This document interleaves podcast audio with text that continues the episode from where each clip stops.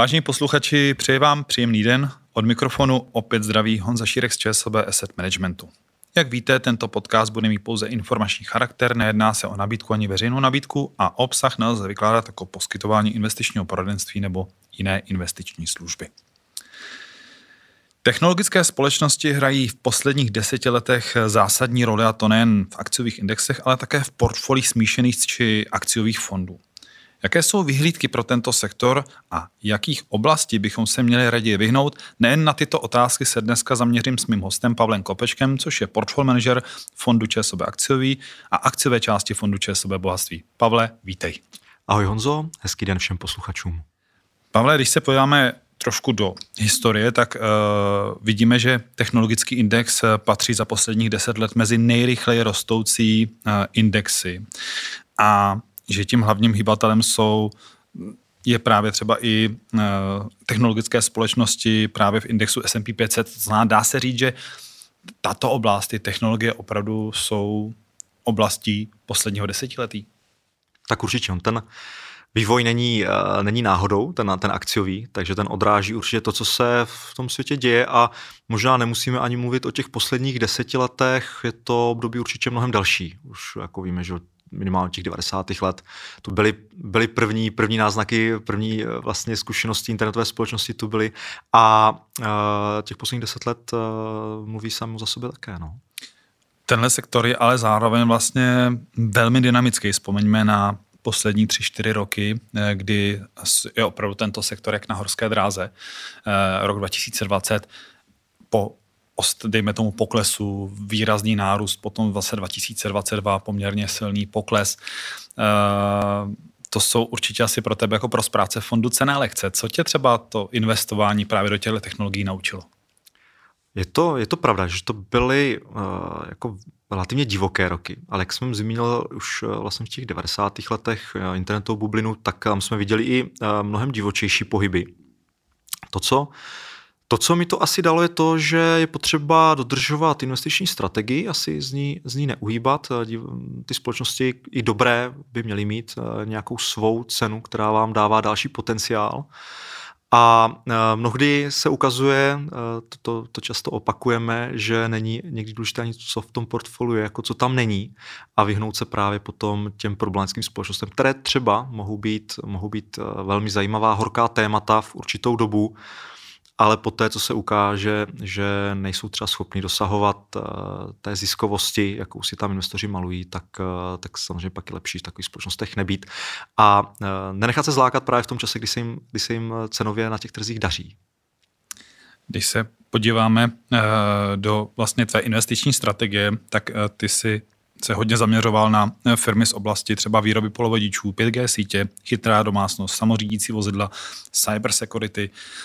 Jaké témata vlastně vydržely z té historie až do té současné doby? Dá se říct, že to většina těch témat, které jsi zmiňoval. Já, co si tak nějak vzpomínám na, na ty změny, které jsem prováděl za těch posledních třeba ty dva roky, dva až tři roky, tak u těch 5G sítí tam to, to je podle mě výjimka trochu, kde, kde jsem měl určité sázky na některé společnosti, pak se ukázalo, že vlastně nedosahují těch, těch výnosů nebo, nebo těch kvalit, které jsem v nich očekával, takže tam jsem trošku ustoupil, ale nicméně ty ostatní věci, jako jsou polovodiče, chytré domácnosti, cyber security, tak to všechno je platné. Dnes, dnes vidíme, že se tam vklínuje například umělá inteligence, takže, takže ono se to různě proměňuje. Ty jazykové modely, které jsou dnes považovány to v tom segmentu té umělé inteligence, byly například rozvíjeny už jako téma právě třeba těch chytrých domácností. To jsme dobře nahrál na další otázku, protože právě na umělou inteligenci, která je, řekl bych, hýbatelem posledního roku, minimálně toho technologického sektoru, eh, mě by zajímalo, jestli z tvého pohledu je to krátkodobé téma, nebo tam je dlouhodobý potenciál.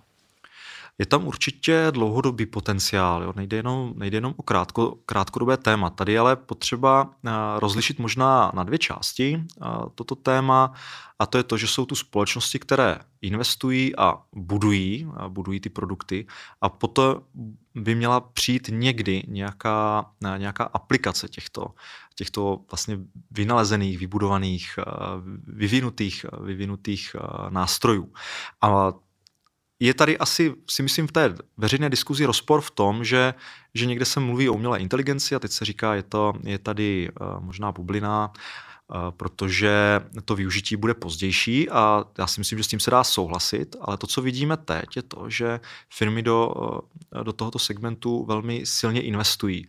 A já si myslím, že z pohledu investora je právě jako vhodné využít to, že právě tady tato investiční aktivita i když je možné, že některé produkty nebo služby, které by využívaly nakonec, eh, nakonec tyto nástroje, mohou přijít o něco později. Ale to bude zase, si myslím, další stránka, eh, další stránka tohoto příběhu. Ještě jedno téma v souvislosti s eh, technologickými akciemi, konkrétně teda s tématem, který se zde objevil poslední rok, je takzvaná magická sedmička. My jsme se tomuto tématu už trošku věnovali s Jardou Vybíralem v posledním podcastu. Ale uh, on také zmiňoval, že na tebe mm, jak bych to řekl, informoval nás, že všechny tyto tituly z té magické sedmičky ty máš v portfoliu, což je skvělá zpráva. Ale jak ty vnímáš tuto oblast těchto sedm společností? Ty se vlastně v té předchozí otázce jsme se dotkli na jednotlivá ta témata, jak jsme mluvili o nějakých chytrých sítí, samoředitelná auta, AI. A my vidíme, že eh, se tyto myšlenky, tyto ideje koncentrují vlastně v nějakých firmách. Jo, můžeme tady mluvit o Microsoftu, Google, Amazonu a dalších, eh, které vlastně spojují mnoho, mnoho těchto témat. Pak jsou tu firmy, které, které mají mají jenom tu část třeba, jako by byla třeba ta Nvidia, to je právě také v té, v té magické sedmičce a ta třeba u, u ní ten příběh se koncentruje na tu umělou inteligenci. Takže já s, tyto firmy v portfoliu aktuálně mám, nebylo tomu tak ale vždy. Já jsem vlastně až na začátku toho letošního roku tam přibíral, přibíral NVIDIA, Metu a, a Teslu. Považoval jsem je za jako rizikovější, rizikovější sázky, takže nebyly jako v velkých koncentracích, ale jsem rád, že, eh, že tam byly, protože vidět, že hodně o té výkonnosti toho letošního roku těch portfolií napovědělo právě to, kolik jich jako, kolik, jak, jak člověk do toho investoval. Oni vyrostli poměrně rychle a už se objevují články a te, otázky, zda je to další technologická bublina, tak jak to vidíš ty? Eh, je to, je, je pravda, že se o tom hodně v tomto směru mluví. Mně přijde, že, eh, že tomu tak není. Ten eh, rozdíl, který, který já vidím, je v tom, že ta cena, čas, nebo pokud se mluví o bublině, často se porovnává cena na akci vůči zisku na akci, takzvaný poměrový ukazatel PE. A, a někdo zmiňuje, že to PE bývá hodně vysoké, ale často to bývá poměřováno současná cena vůči minulým ziskům, takže se udává, že, že třeba to ta, takové, takovýto poměr ukazatel PI potom může dosahovat hodnoty třeba 40 a, a více. Ale ta cena vlastně eh, v sobě nezahrnuje tu minulost, ale zahrnuje tu budoucnost. A my víme, že, že ty investice do tohoto segmentu jsou opravdu velké, víme, že jsou očekávání nějakým způsobem nastavená a že ta ziskovost má růst. A pokud my se podíváme na tu ziskovost, která má přijít třeba na ten příští rok, to znamená, pokud bych si říkal, co analytici si myslí, že tyto společnosti jakých zisků dosáhnou a k tomu jsem vztáhl tedy současnou cenu, tak zjistím, že to ocenění je v podstatě na desetiletém průměru, takže, nebo dokonce mírně pod, takže se dá říct, že ten trh nemá nějaká, eh, nějak nezaceňuje přehnaně to, co se od těch firm očekává oproti tomu, jak reagoval na tu situaci v průměru za těch předchozích eh, deset let. Takže z mého pohledu v tomto bublina není. Pokud cena poklesne, tak to může být pravděpodobně tím, že nebude dosaženo, nebude dosaženo třeba těch ziskových očekávání, ale nebude to tím, že by, že by ten ukazatel vůči minulým ziskům byl příliš vysoký.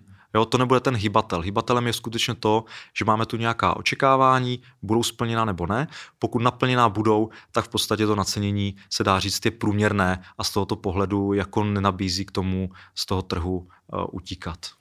Eh, máme za sebou výsledkovou sezónu eh, za třetí kvartál. Jak se dařilo těmto společnostem? Jsou všechny společnosti z tvého pohledu vnímané stejně, nebo jako je tam prostor, že některé více preferuješ?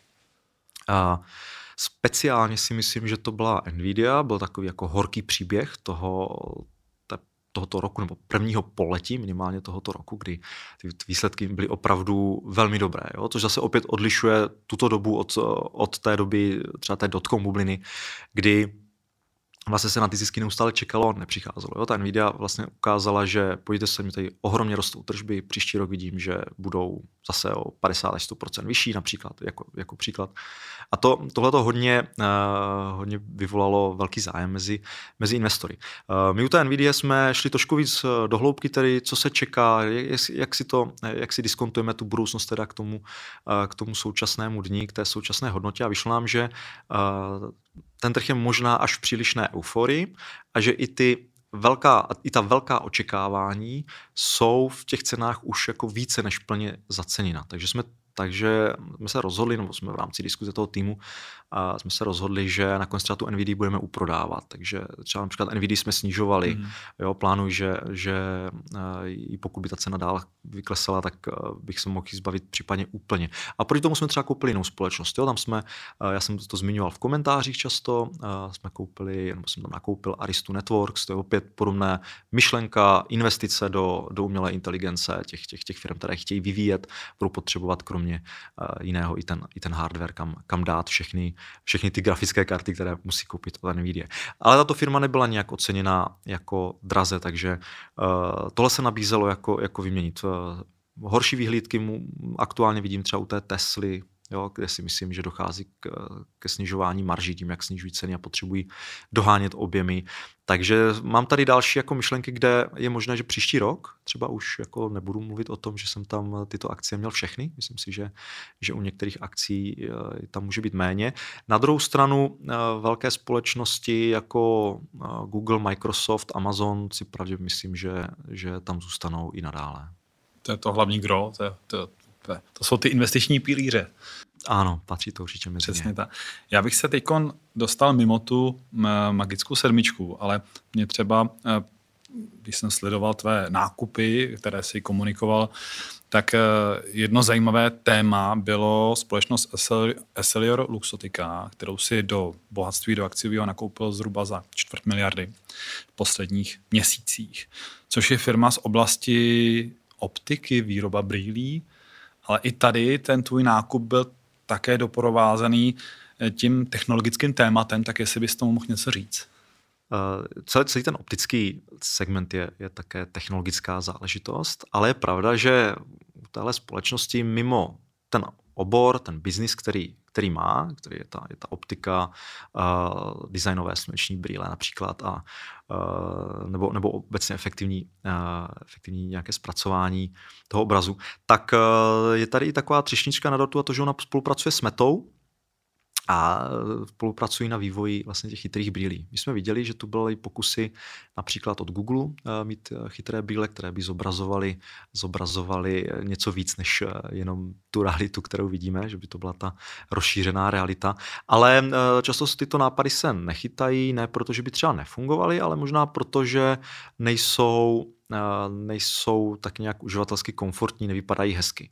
A toto je trošku rozdíl, že, že, že SL Luxotica vlastně je, je lídr, se dá říct, v tom designu. Známe, známe, známe značky jako Ray-Ban nebo Oakley, a uh, jsme to vlastně vyvinuli, vyvinuli ty, ty, ty uh, první už mají i druhou generaci těch chytrých brýlí, které jsou vlastně velmi, uh, velmi módní a jsou, jsou velmi hezké. A možná, že ta spolupráce bude pokračovat dál a vyvinou i k tomu, jako bude se dále rozšiřovat ty možnosti, k čemu využít chytrý brýle. Samozřejmě jsou tady otázky jako etické a další, které se muset vyřešit, ale minimálně toto je, je taková třešnička u té investice, která je tam velmi zajímavá a která může znamenat třeba otevření nového trhu. Zní to zajímavě. Uh, pojďme se teď věnovat zprávě fondů akciový a časové bohatství. Mm, jak velkou váhu v podstatě aktuálně v tom portfoliu, když to shrneme, mají ty technologické společnosti? Uh, mají zhruba 22 až 24% se to různě, různě pohybuje. Uh, když to srovnáme s americkými indexy, tak je to podobné nebo vlastně lehce méně, ale je potřeba brát potaz to, že vlastně ten fond neinvestuje pouze do amerických akcí, ale máme zhruba tak nějak zhruba dvě třetiny je, je, je podíl amerických firm, zbytek, zbytek bývají evropské trhy, případně a nějaká menší váha třeba i na emerging markets. Takže z tohoto pohledu jako ten technologický sektor je tam zastoupený nadproporčně, a já, já, jsem, s tím, já jsem s tím takto spokojený. A ty můžeš eh, případně ten podíl, nebo proč no, upravuješ ten podíl třeba v závislosti na vývoji trhu? Jak moc velké rozptyly tam třeba můžeš mít? Já asi nemám dán, dány nějaké rozptyly. Spíše se to týká, eh, týká těch, eh, těch společností, které v tom daném segmentu jsou. Technologický sektor jich nabízí velmi mnoho. My ho můžeme rozdělit na dílčí subsegmenty, může to být hardware, software, můžou, mohou to být polovodiče. Takže je tam, je tam spousta dílčích segmentů a asi je to i otázka toho, co mě se mně se aktuálně v, uh, tam líbí, takže uh, mohl by být klidně polovičně zastoupený a mohl by ho tam být i také mnohem více. A je to tedy, řekněme, ta váha je výsledkem toho, jak se dívám na ten sektor jako takový, kde chci být a potom, potom v kombinaci s tím, jestli jsem schopen tam těmi nápady naplnit. Takže já si myslím, že asi se dá bavit o tom, že někde mezi těmi 20 až 25 procenty ten sektor bude jako i nadále když se zaměříme teď na zprávu ČSOB akciového, tak ty v tom máš zhruba 80 akciových titulů, to zná těch příběhů je tam poměrně dost. A když se podíváme také na výkonnost toho fondu, tak při porovnání třeba na těch delších investičních horizontech se dostáváme, nebo ten fond je v popředí a zaujímá první příčky ve srovnání s, tou, s těmi konkurenčními akciovými fondy tady v České republice. Čím si myslíš, že to je no, způsobené tím, že ta výkonnost je tak nadstandardní? Děkuji za to. Máme tady, ptáš se vlastně na dva fondy, na, na akciový, na bohatství. Možná začnu u toho bohatství, to je, fond, to je smíšený fond, kde vlastně nejen, nejen teda řešíme tu akciovou část, řešíme i dluhopisy a řešíme vzájemný poměr těchto, těchto dvou částí. My se dlouhodobě snažíme mít spíše těch akcí o něco více, jo? něco být jako více než, než bývá ten tržní průměr, jestli, jestli bych to takto mohl říct. A je to dáno tím, že často, často převládají na na, na trhu nebo mezi investory, řekněme, mezi investory, portfolio manažery, různé, různé obavy, různé strachy a my ale vidíme, že tak tomu bylo vždycky a e, ta statistika, ta statistika je celkem neúprosná a říká, že lepší být zainvestovaný, než, e, než, než odinvestovaný, než, e, než čekat na, té, na ty příležitosti. Takže tohle to určitě pomáhá u tohoto fondu. Dále si myslím, že my jsme hodně za to poslední desetiletí tu strategii také upravovali, vylaďovali a vyladili jsme směrem k tomu, že jsme ubrali, ubrali různé, ne, různé biasy, různé takové, eh, řekněme, investiční přístupy, které, které člověk má a nejsou vždycky efektivní.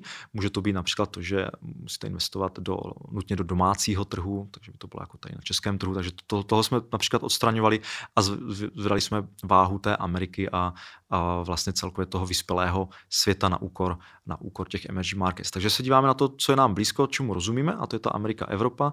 Myslím si, že za těch deset let to bylo celkem výhodné rozpoložení. Ukazuje se, že mít ještě více Ameriky by bylo samozřejmě lepší, ale to, eh, to, myslím, to nikdy jako nevíte, nevíte dopředu. Takže to tomu pomohlo a dále tomu pomohlo si myslím celkově ta strategie nastavení eh, hledání toho, co jako funguje dlouhodobě, nějakých trendů a eh, nejenom, řeš, nejenom dívat se na to, jestli aktuálně je PE jako tolik nebo, nebo nějak jinak a spíš řešit jako dlouhodobý příběh těch, těch firm a pokud i ten dlouhodobý příběh nabírá, nabízí určitý potenciál, tak to se ukázalo ukázalo v té historii jako velmi úspěšné. A to platí vlastně pro oba dva fondy, pro to bohatství i pro ten, pro ten akciový. Já když bych to měl říct ze svého pohledu, pohledu investora, tak eh, já určitě zase na druhou stranu vidím v tom fondu firmy, které znám a které člověk běžně využívá a je pochopitelné, že ať se děje, co se děje, tak ty firmy nám ty produkty a služby budou i v budoucnu dávat, případně jiné, ale to zase o to seš tady ty, aby si byl schopen vědět, jestli ty firmy mají více zákazníků nebo ne, abys tam byl schopen vybrat ty správné, kterých budou mít více v budoucích letech. Což je tak. Aspoň skvělá se práce. To, aspoň se o to eh, snažím, ale eh, je, je to pravda. My jsme viděli tady eh, několik zajímavých vln nebo překvapení. Mohl být covid, růst, výrazný růst úrokových sazeb, Uh, jo, dalo by se jich jmenovat opravdu, opravdu celá řada. Váleční konflikt. Váleční konflikt, přesně tak. A uh, je vidět, že uh, ty velké firmy, my jsme se trošku zároveň zavázali investovat do toho, aby, aby lidé rozuměli tomu, a do čeho investují s námi, aby věděli, co to je, aby to nebylo pouze o důvěře v to, že já něco vyberu správně, ale aby to bylo řečeno, podívejte se, koupili jste si teď boty, jako byla značka, máte telefon, jaká značka a tak dále, nebo jak, jak a co děláte a člověk velice s nás eh, pochopí. A zároveň tyto velké firmy, což možná není vždy standardní, měly právě v těchto turbulentních období byly jako mnohem, mnohem odolnější než právě třeba eh, menší společnosti. Nebývá tomu tak eh, vždy, protože ty, ty velké firmy se někdy musely stát velkými a určitě se to bude dít i i nadále a že, že přijdou ze spodu ty menší a budou vytlačovat, vytlačovat ty současné hegemony. Uh, nicméně myslíme si, že to, uh, že to investování na základě toho, čemu jako rozumíte, prostě dává smysl dlouhodobě. Já myslím, že ty máš poměrně šťastnou ruku na to, aby si vybral i ty malé firmy, které se stávají postupně větší a větší. A já ti, Pavle, teď hlavně přeji, aby se ti to dařilo v dalších letech a ať to ze strany kolegy moderátora, tak i ze strany investora. A budu se opět s tebou těšit i v dalších měsících na společně příjemné podcasty. Pavle, díky moc za tvůj čas. Děkuji Honzo, děkuji za pozvání. Hezký den.